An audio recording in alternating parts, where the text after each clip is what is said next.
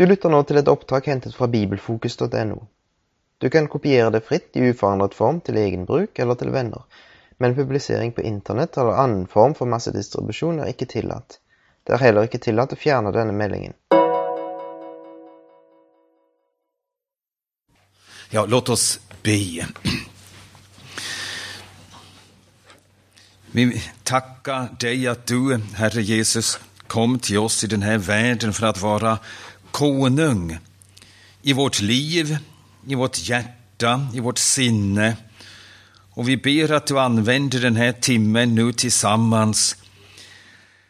Att vi får växa i kunskapen om dig, vem du är och hur du är och vad du har bestämt för oss. Låt oss förstå vår kallelse. Var med oss med din nåd.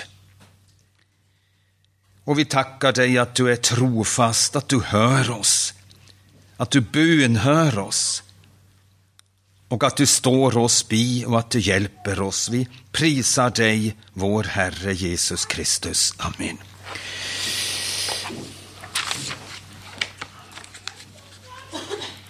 Ja, vi han började igår med andra Petrusbrevet efter en inledning undersökte vi de första åtta verserna lite närmre.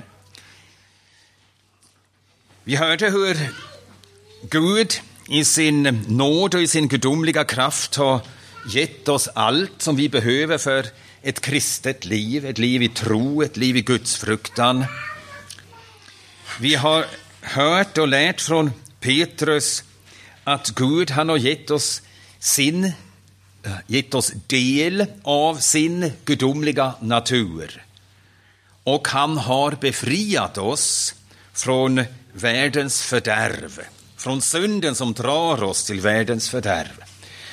Och det är tre orsaker som motiverar oss att vinnlägga oss om att vårt, eh, vår tro, vår troslära ska bli till Liv.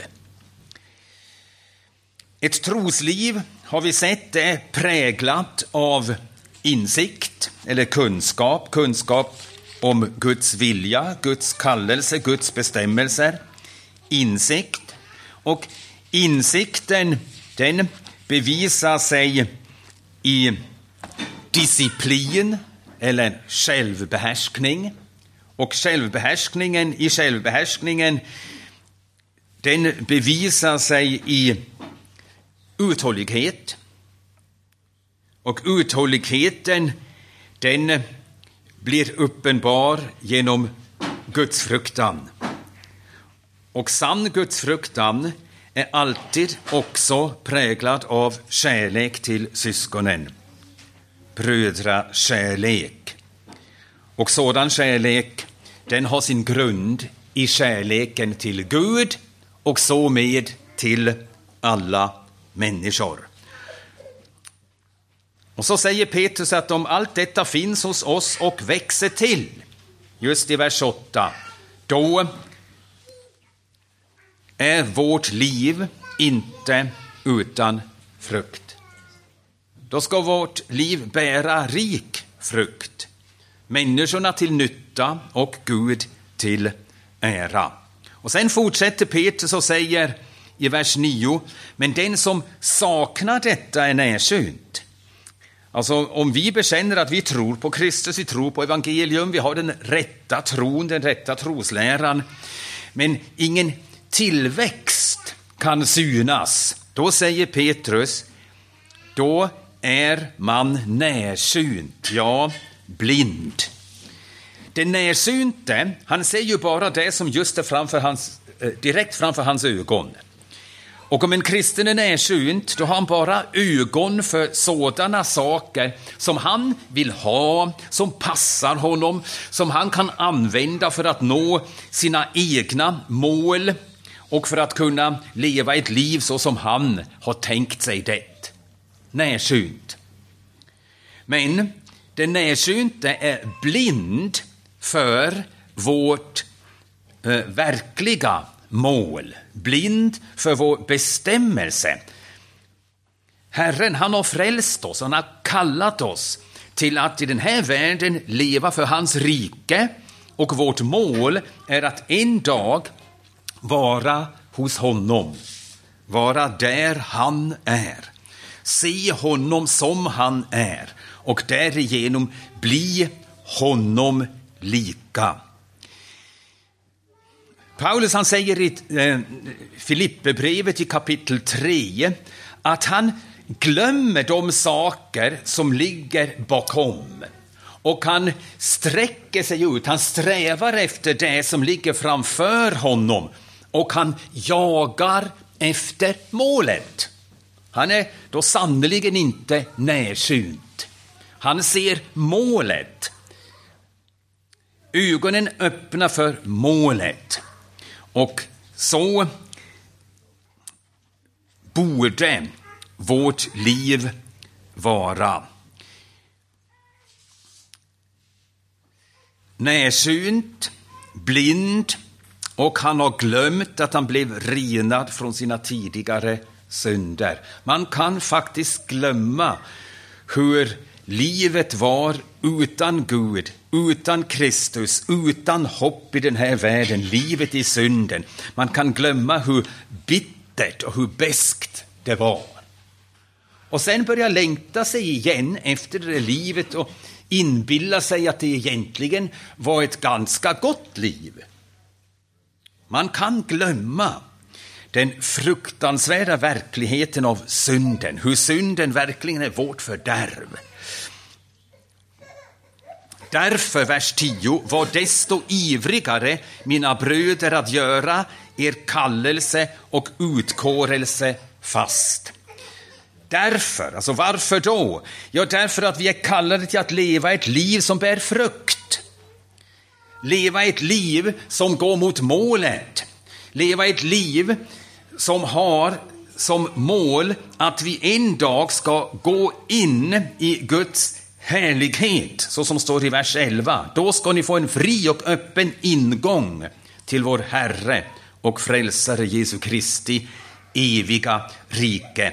Därför var desto ivrigare, flitigare, mina bröder, att göra er kallelse.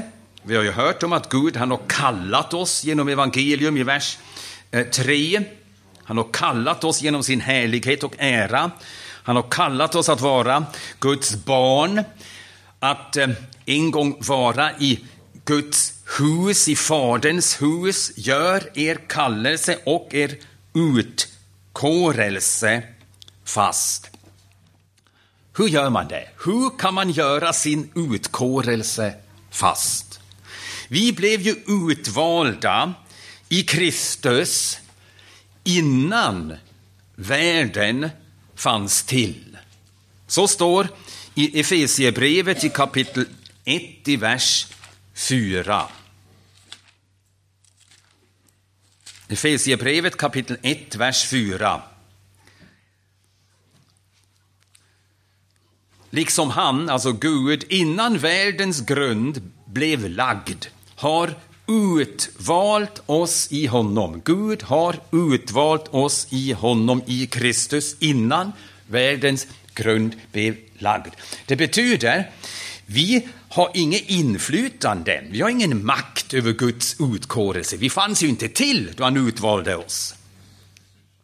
Så hur i all världen ska man kunna göra sin utkårelse fast? Den är ju befästad i Gud, i Guds rådslut i Guds eviga frälsarvilja. Där är vår utkårelse befästad fast. Vad menar då Petrus? Han säger att vi ska göra vår kallelse och utkårelse fast. Han menar inte att vi ska befästa den i Gud. Den kan inte vara fastare än fast genom det som Gud har fastlagt. Det är fast, orubbligt fast. Oomkullstöteligt fast. Men han menar att vi måste själv i oss få den övertygelsen och vissheten att vi är utkårade. Att vi är utvalda, att vi är hans egendom för evigt. Och hur kan vi få denna visshet och denna säkerhet? Ja, Petrus han säger just genom att vi gör, vinnlägger oss och gör allt för att vår tro, vår troslära blir till trosliv. Om vi lever just det livet som han, han har beskrivit i verserna 5, 6, 7, då blir vi själva fasta i vår övertygelse, i vår visshet att vi i Kristus är utkårade, att vi är utvalda. Man kan veta det för sig själv och andra kan också veta det. Paulus han skriver på minst två ställen om vissa troende att han vet att de är utvalda. Första Thessalonikerbrevet kapitel 1. Första Thessalonikerbrevet kapitel 1.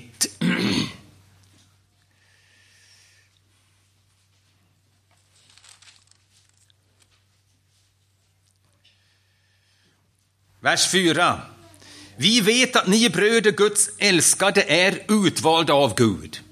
Men hur kan Paulus veta det? Har han fått insyn i eh, Guds eviga rådslut?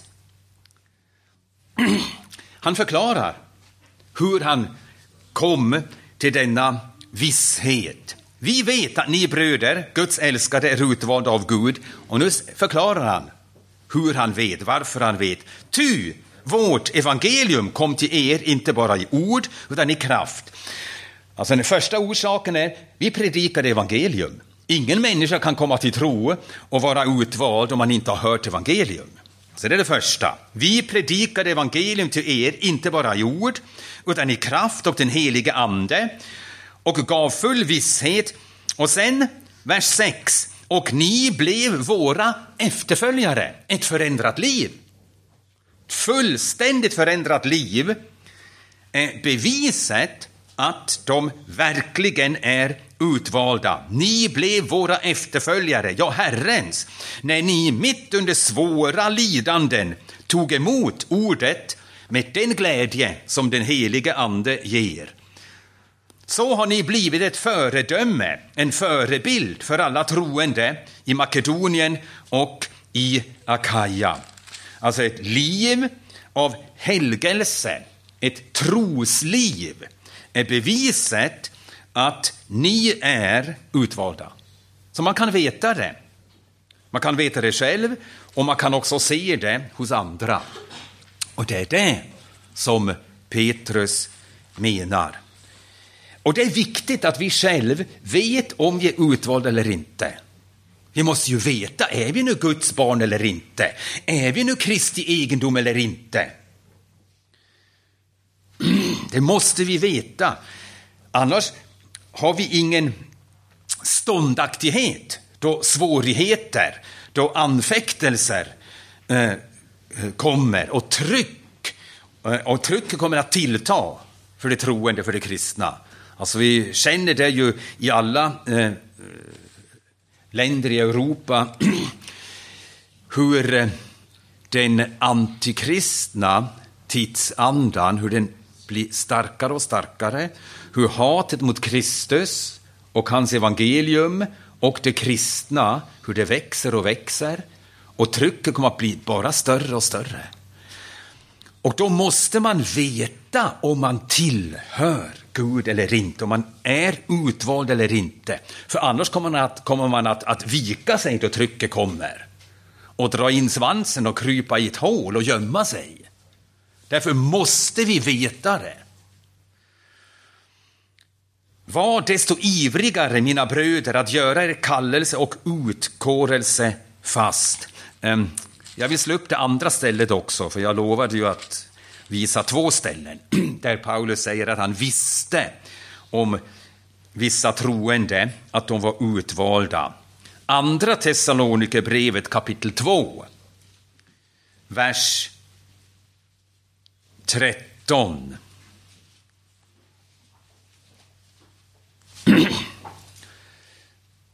Andra Thessalonikerbrevet kapitel 2, vers 13. Men vi är skyldiga att alltid tacka Gud för er bröder, Herrens älskade, eftersom Gud från begynnelsen har utvalt er till att bli frälsta genom att anden helgar er och ni tror sanningen. Gud har utvalt er från begynnelsen. Paulus visste det. Vi måste veta att vi är Guds barn, att vi är rättfärdiga. Gud han fostrar oss. Sen vi kom till tron, sen vi blev födda på nytt, började Gud att fostra oss, att lära oss, att föra oss, att undervisa oss. Samma sak som han gjorde med Abraham. Han kallade Abraham och så läser vi i första Moseboken kapitel 15, vers 6. Abraham trodde Gud och det blev tillräknat honom till rättfärdighet. Vi hörde just den sanningen i morse. Tillräknat honom till rättfärdighet. Han var rättfärdiggjord, han var troende. Men Gud ville att han också själv skulle veta att han var rättfärdig inför Gud. Och så förde, lärde, undervisade Gud Abraham, fostrade honom tills han hade den övertygelsen och han fann den övertygelsen den dagen då han märkte att han nu har viljan och förmågan att ge Gud allt. Första Moseboken kapitel 22. Han la sin egen son, sin älskade son, på altaret och var beredd enligt Guds befallning att offra honom. Och då talade Gud till honom och sa, nu vet jag att du fruktar mig. Gud visste det ju hela tiden. Men Abraham hörde den rösten och då visste Abraham, Gud vet att jag fruktar honom. Och då hade han den absolut fasta vissheten att han verkligen var rättfärdiggjord. Och så säger då Jakob i Jakobs brev att han den dagen blev han rättfärdig. I den bemärkelsen rättfärdig, att han visste att han inför Gud var rättfärdig gjord. Det måste vi veta. Det är absolut eh, essentiellt. Eh, eh, vi kan inte överleva i tron om vi inte har den vissheten. Vi kommer att kastas omkring som, en, som bollar om vi inte har den vissheten den säkerheten. Ja, nej, låt oss slå upp det där stället i Första Moseboken och läsa det tillsammans och försök förstå vad Abraham förstod den där dagen.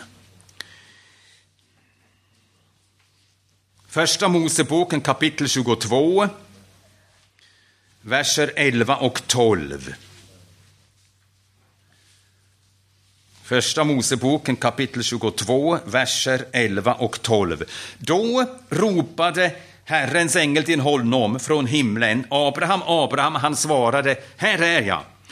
Då sade han, lyft inte din hand mot pojken och gör honom ingenting. Nu vet jag att du fruktar Gud. Det var sagt för Abraham, att Abraham skulle veta att Gud vet. Han inbillade sig inte någonting. Han visste det nu. I Guds ögon är jag rättfärdiggjord. Och en rättfärdig människa fruktar Gud. Det är ett tecken på att en människa har blivit rättfärdiggjord. Nu vet jag att du fruktar Gud, då du inte ens har undanhållit mig din ende son. Och Jakobs brev kapitel 2. Jakobs brev kapitel 2.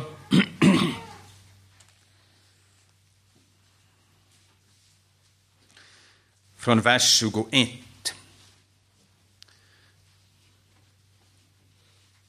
Jakobs brev kapitel 2, vers 21 och följande. Blev inte vår fader Abraham erkänd som rättfärdig genom gärningar när han bar fram sin son Isak på altaret? Du ser att hans tro samverkade med hans gärningar och det var genom, gärn, det var genom gärningarna som tron blev fullbordad. Alltså tron blev till trosliv. Ett förändrat liv. Samma sak som Petrus talar om i andra Petrusbrevet. Så uppfylldes skriften som säger Abraham trodde Gud och det räknades honom till rättfärdighet. Det sades ju flera år innan. Första Mose kapitel 15, vers 6. Abraham trodde Gud och det räknades honom till rättfärdighet. Och sedan flera år senare, hur många år? 20 år senare minst, då han la sin son på altaret, då blev skriften uppfylld. Och då kallades han Guds vän. Då visste han vad Gud hela tiden visste och då hade han visshet och säkerhet.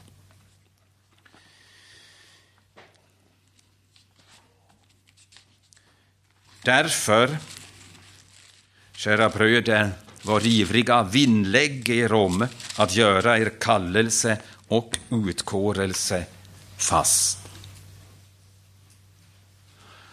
Det kan hända att vi blir förda genom så mörka, dunkla stunder att vi inte ens har ork och förmåga längre att själv hålla oss fasta vid Guds löften. Men då finns den där vissheten i oss, vad som än händer, vi är hans egendom. Men det måste man veta. Innan nöden kommer och överväldigar oss fullständigt.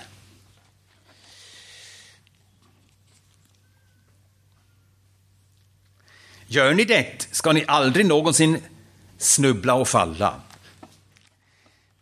Det är ju märkligt. Många säger, nej, man, man borde inte vara för säker eh, över sin frälsning. Om man blir säker att man är utvald och frälst, då blir man likgiltig och eh, då faller man lätt i synd. Men Petrus säger precis motsatsen. Då skall ni inte snubbla och falla. Det ger oss ståndaktighet. Men om vi inte tar det på allvar, vår kallelse, att vår tro, vår troslära ska bli trosliv, då blir vi närsynta, då förblir vi blinda för vårt mål, då vet vi aldrig riktigt säkert hur vi står inför Gud och då kommer vi att snubbla och falla.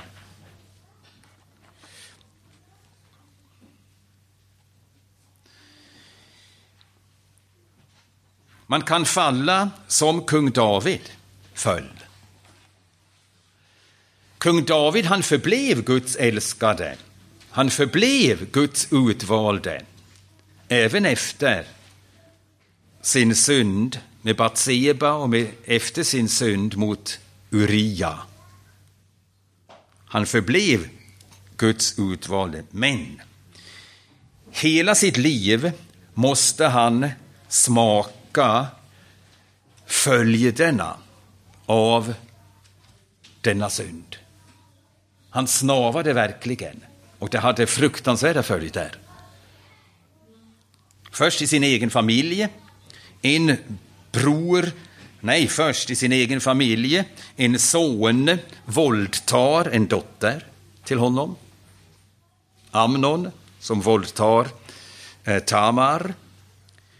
Och sen en son dräper en annan son. Absalom slår ihjäl Amnon. Och det kom ännu värre. Absalom försöker att döda sin egen far. Fruktansvärt. Man kan ju knappast föreställa sig vad det måste betyda för en far att en egen son vill en enda sak. Stöta dig från tronen, döda dig och ta din plats. Och allt detta var följder som David måste bära på grund av sin synd. Han snavade, han föll. Men Gud vill inte att vi ska falla på sådant vis. Om vi är Guds barn vill han att vi inte ska snubbla och falla och bära fruktansvärda konsekvenser. Och det, det är inte alls nödvändigt att det sker heller. Petrus säger, då ska ni aldrig snava. Det betyder förstås inte att vi aldrig begår någon synd. Men han menar sådana synder som har så fruktansvärda följder, konsekvenser.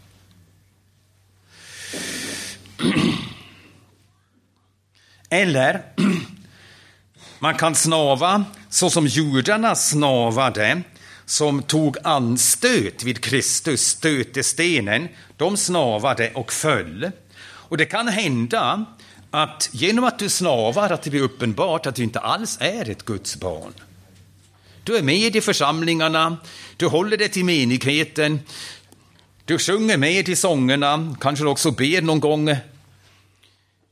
Men i ditt hjärta kanske du ännu inte alls är ett Guds barn. Och så kommer den dagen kommer då du då snavar och då kan det vara för sent att komma till rätta med Gud. Så vi måste veta om vi är utvalda eller inte. Många skjuter den frågan ifrån sig och säger ja, man kan aldrig veta. Och en del teologer säger så, andra teologer säger så. Men det är inget annat än en likgiltighet och lathet om man argumenterar på det här viset. Petrus säger, se till att ni får visshet. Det är en befallning. Vi måste ta det på allvar. Var desto ivriga, mina bröder, att göra er kallelse och utkårelse fast. Och igen, låt oss läsa igen eh, Hebreerbrevet kapitel 6. Vers 11.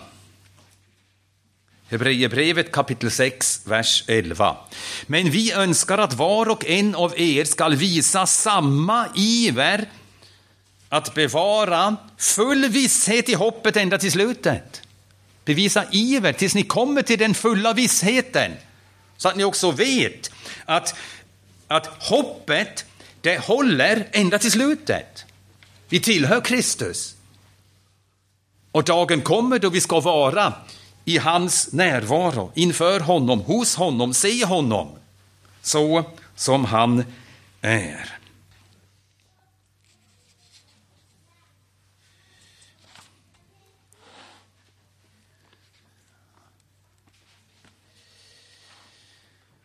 Och sen vers 11.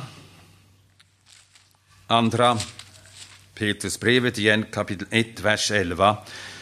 Då skall ni få en fri och öppen, en fri och öppen ingång till vår Herre och Frälsare Jesu Kristi eviga rike.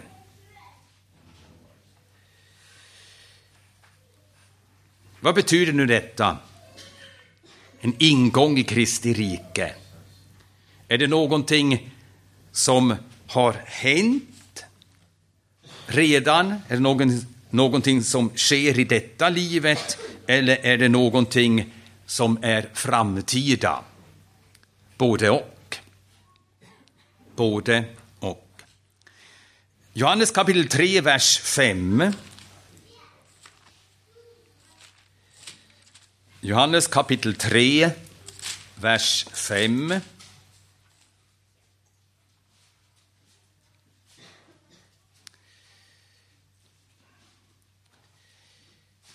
Amen, amen, säger jag dig, den som inte blir född av vatten och ande kan inte komma in i Guds rike.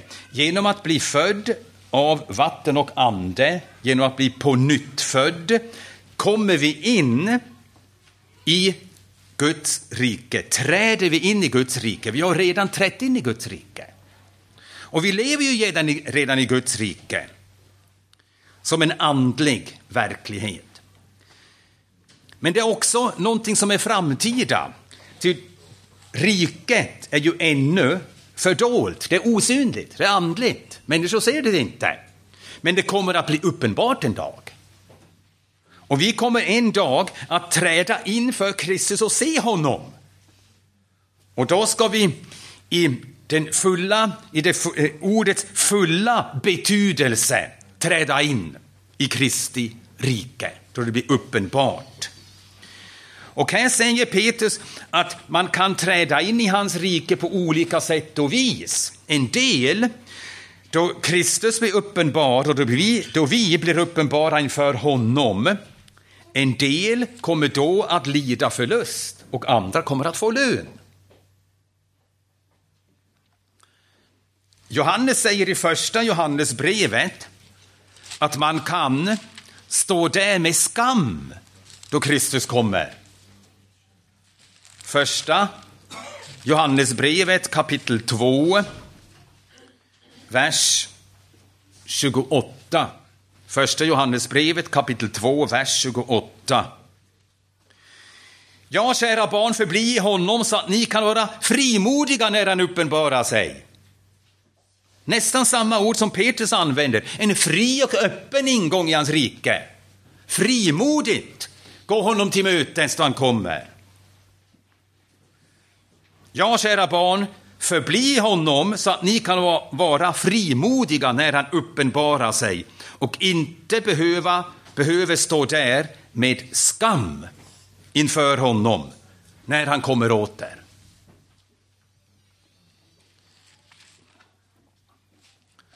Ingen vill stå där med skam.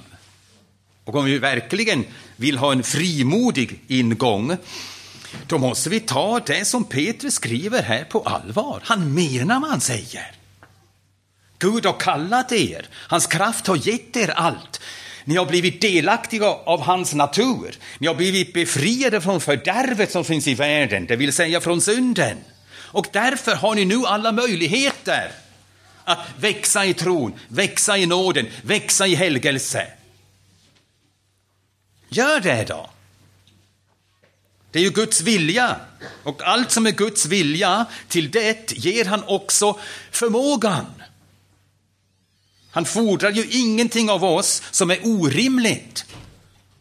Han har ju gett oss allt så vi kan följa honom. Innan, då vi var förlorade, då vi var syndare, då vi var otroende, kunde vi inte göra någonting som Gud vill. Men nu, efter att vi har blivit frälsta på nytt födda, har vi viljan och förmågan att göra det som Gud vill. Paulus säger i eh, andra kapitlet av eh, Filippiebrevet. Filipperbrevet kapitel 2, vers 13. Gud är den som verkar ger både vilja och gärning för att hans goda vilja skall ske. Och hans vilja kommer att ske om vi säger ja till hans vilja, till hans vägar. Hans vilja kommer att ske. Hans goda vilja och hans frälsning kommer att eh, utveckla sig och bli uppenbar i vårt liv. Och då kommer vi att ha en fri och öppen öppen ingång i vår Herres eviga rike då han kommer åter. Och sen fortsätter Petrus och säger, det är just därför jag påminner er om alla dessa sanningar. Um, verserna 12 till 15. De har vi inte läst ännu. Alltså andra Petrusbrevet kapitel 1, verserna 12 till 15. Därför tänker jag alltid påminna er om detta, trots att ni redan känner till det och är befästa i den sanning som ni äger. Jag ser det som min plikt att väcka er genom mina påminnelser, så länge jag bor i detta tält. Jag vet att jag plötsligt ska lägga av, eller snart ska lägga av, mitt tält. Det har vår Herre Jesus Kristus visat mig. Men jag vill göra det jag kan för att ni också efter min bortgång alltid skall kunna minnas detta. Här talar herden. Petrus han var en herde, kallad av Herren att vara en herde till sitt folk. Att eh, föra sitt folk, vara herde till sitt folk och här ser vi herden som har omsorg om jorden. Han gör allt för att de troende inte glömmer vad de har lärt. Han gör allt att de kan minnas allt de har lärt även efter hans bortgång. Men han gör just inte det vad alla mänskliga organisationer gör då en ledare står inför slutet och söker en efterträdare. Det är just det han inte gör. Så vi såg redan första timmen igår att hela idén med påvedomen, med Petrusämbetet, är en uppfinning, mänsklig uppfinning, ett mänskligt påhitt. Ingen grund i skriften alls. Här ser vi en sann herde, och en sann herde han tänker alltid på, på jordens välfärd. Sen var på norska också jord. Med H skrivet H-J, jord. Alltså fåren tillsammans. Och herden har omsorg om sin jord. Och han gör allt för att de efter hans bortgång äh, äh, skall minnas allt vad han lärde. Och vi måste också göra allt vad vi kan. Alltså framförallt vi som redan börjar bli äldre. Alltså man, plötsligen öppnade man ögonen. Det var inte alls för länge sedan låg jag vaken om natten och så började jag räkna lite grann. Gossen, du har kanske 10, 12, 15 år. Du vet ju aldrig. Och vad har du uppnått hittills? Du måste göra någonting och förbereda de yngre syskonen. Att de sen kan stå och, och kan sen fortsätta arbetet. Det var ett ganska sent uppvaknande. Många år tänkte jag inte alls på det, men nu har jag börjat på allvar att undervisa unga bröder. Vi möter oss regelbundet, studerar Bibeln tillsammans. Jag ger dem uppgifter, ni måste läxor som de måste läsa tills vi möter oss nästa gång. Och så lär jag dem hur de ska läsa Bibeln, förstå Bibeln, utlägga Bibeln. Jag träffas också med unga bröder tillsammans, en och en, och vi ber tillsammans. Ni måste lära er att be, att be för syskonen, att be för församlingen, att be att Guds verk sker. Ni måste lära de sakerna. Och därför förmedlar Petrus det han har lärt till yngre troende. Samma gjorde Paulus. Paulus visste att han eh, en dag skulle bli kallad bort från sitt arbete. Men han förberedde sin bortgång. Han förberedde det genom att undervisa unga män och lära dem att inte bara för sig själv följa Herren i hans fotspår, men att också lära andra. Och så kom det verk som Gud hade börjat med sin son, fortsatt med Andens utgjutelse eh, pingstdagen, så eh, stannade detta verk aldrig av. Och därför sitter ju du och jag, sitter vi här. Annars hade vi aldrig kommit till tron. Verket hade stannat av, men det stannade aldrig av. För att det alltid fanns sådana som såg till att evangelium inte glömdes i världen. Därför vill jag göra allt jag kan för att ni också efter min bortgång skall kunna minnas detta. Andra Timoteusbrevet kapitel 2. Andra Timoteusbrevet kapitel 2, vers 2.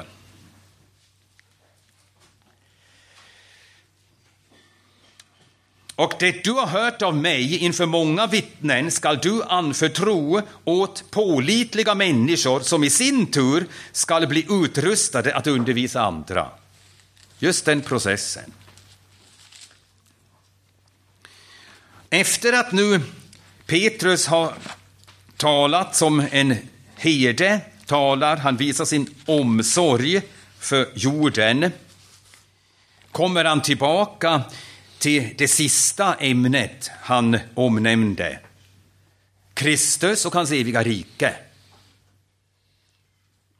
Det är en stark motivation att eh, leva ett eh, liv som en Kristi lärjunge.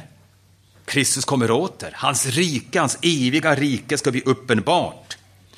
Och apostlarna, de lärde det ju överallt. Vart de än kom. De predikade evangelium, kallade människor till tron. Människor kom till tron, de började undervisa dem och de från första början undervisade de de kristna att Kristus han kommer åter. Vi väntar på hans återkomst. Församlingar som blev grundade av Paulus, de kristna, de tjänade Eh, de vände sig bort från avgudarna, de tjänade den levande guden och väntade på Guds son från himlen. Det var det normala som apostlarna lärde överallt. Kristus kommer åter. Och det som Petrus omnämnde i vers 11, vår Herres och Frälsare Jesu Kristi eviga rike, han kommer nu tillbaka till detta tema i verserna 16 och följande. Och han vill säga att det där riket jag talat om och som jag har lärt er om, det är inte ett påhitt av någon människa.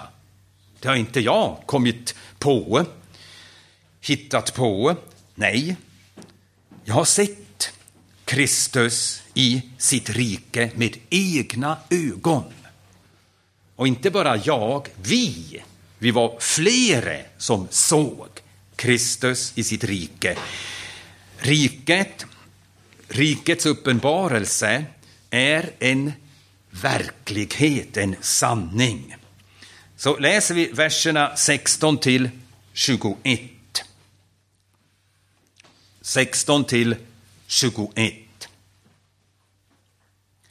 Det var inte några utstuderade myter vi följde när vi förkunnade för er vår Herre Jesu Kristi makt och hans ankomst, utan vi var ögonvittnen till Jesu Majestät.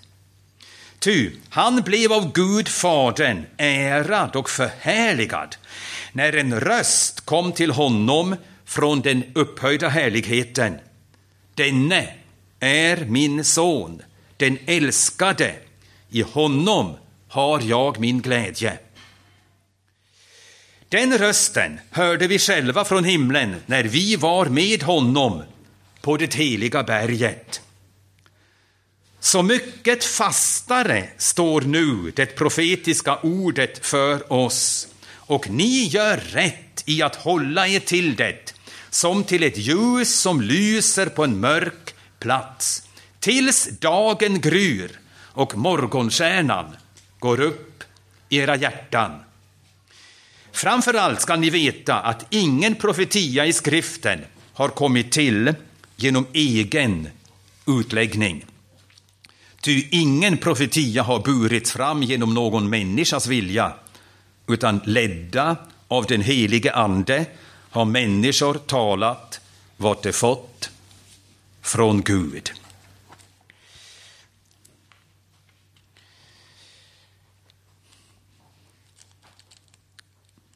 Det avsnittet har just detta som avsikt. Riket, det kommer verkligen, vi har sett det.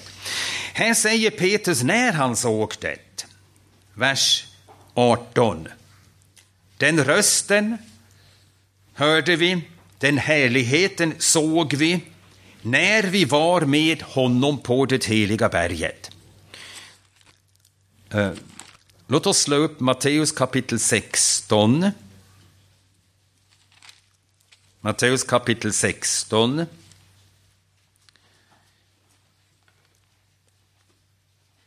Från vers 24. Matteus kapitel 16, från vers 24. Jesus sade till sina lärjungar, om någon vill följa mig skall han förneka sig själv och ta sitt kors på sig och följa mig. Den som vill bevara sitt liv skall mista det, men den som mister sitt liv för min skull, han skall vinna det. Ty vad hjälper det en människa om hon vinner hela världen, men tar skada till sin själ? Eller vad kan en människa ge i utbyte mot sin själ? Människosonen skall komma i sin faders härlighet med sina änglar och då skall han löna var och en efter hans gärningar. Jesus talar här om efterföljd, Kristi efterföljd, lärjungaskap, självförsakelse. Den som vill följa honom måste förneka sig själv, sin egen vilja, sina egna mål, sina egna önskemål och vara beredd att ta emot Kristi vilja, Kristi bestämmelser, Kristi kallelser. Och det kan ju bli, det kan ju bli oss ganska tungt med tiden. Och den frestelsen finns alltid att vi tänker, kanske vi gör fel med att eh, förneka oss själva. Alla andra till vänster och höger om oss, de njuter av livet utan att bekymra sig om någon, om någon framtid, om något kommande liv. Och för att styrka oss i vår beslutsamhet att följa Kristus, för att styrka lärjungarna i sin beslutsamhet att följa Kristus, talar han om sin återkomst. Nu känner människorna mig inte. Han ställde ju frågan i, samma, eh, i sammanhang, i detta sammanhang. Vem säger folk att jag är? Olika meningar, vem han kunde vara, den där människan Jesus från Nasaret. Men lärjungarna visste, han är Guds mode. Han är bestämd till att vara herre och härskare över det eviga rike som Gud har berett för sin Messias och för alla som tror på honom. Men man såg ju ingenting. Han såg ju alldeles vanlig ut. Och det är samma sak för oss nu. Ingen har sett den förhärligade Jesus som sitter vid, vid Guds högra sida. Ingen har sett det där riket som Bibeln talar om. Det är osynligt. Men Kristus han ger här löftet, Människosonen skall komma. Och då skall han löna var och en efter hans gärningar. Och då ska ni veta, och då kommer ni att förstå och uppleva att det inte var lönlöst att förneka sig själv och följa efter mig. Men för att styrka lärjungarna i deras tro gör han just det som Petrus sen berättar om. Han tog tre av lärjungarna med sig upp på ett berg och där visade han dem sin härlighet i det kommande riket. Det kommer ju som nästa. Amen säger jag er, Matteus 16, 28. Amen säger jag er, några av dem som står här skall inte smaka döden förrän de får se Människosonen komma i sitt rike. Inte alla, men några av er. Och sen läser vi kapitel 17. Sex dagar därefter tog Jesus med sig Petrus, Jakob och hans bror Johannes. Och de tre visar han sig i sin härlighet i sitt rike innan de dör. Så att deras tro blev styrkt och så att de sedan kunde ge det vittnesbördet åt alla kristna. Vi har sett honom komma i sitt rike och Petrus skriver ju om det. Så vi kan med all säkerhet veta, det är inte en dröm, någonting man helt enkelt önskar sig om det bara vore så. Nej, det är en sanning, det är en verklighet. Osynlig verklighet, men därför inte mindre verklighet för att den är osynlig. Sex dagar därefter tog Jesus med sig Petrus och Jakob och hans bror Johannes och förde dem upp på ett högt berg för att vara ensam med dem och han förvandlades inför dem. Hans ansikte lyste som solen och hans kläder blev vita som ljuset. Och se, Mose och Elia visade sig för dem och de samtalade med honom. Petrus sade till Jesus, Herre, det är gott för oss att vara här. Om du vill skall jag göra tre hyddor, en åt dig, en åt Mose och en åt Elia.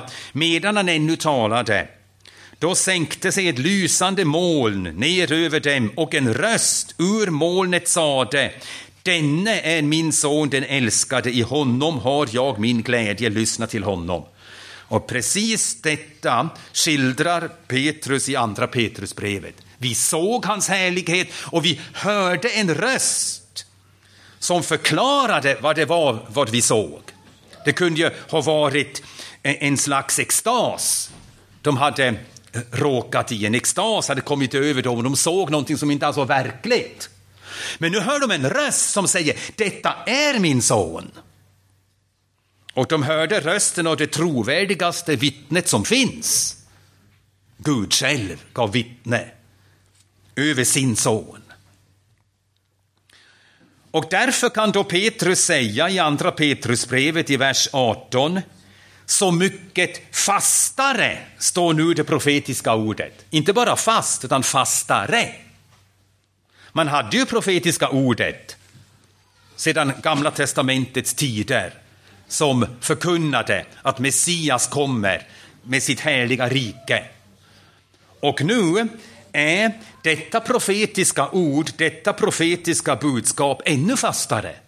För riket har en gång för tre ögonvittnen blivit uppenbart. Vi har sett det. Och så har vi absolut säkerhet att Guds vittne om sin son och om det kommande riket är sant. Så, nu gör vi en paus.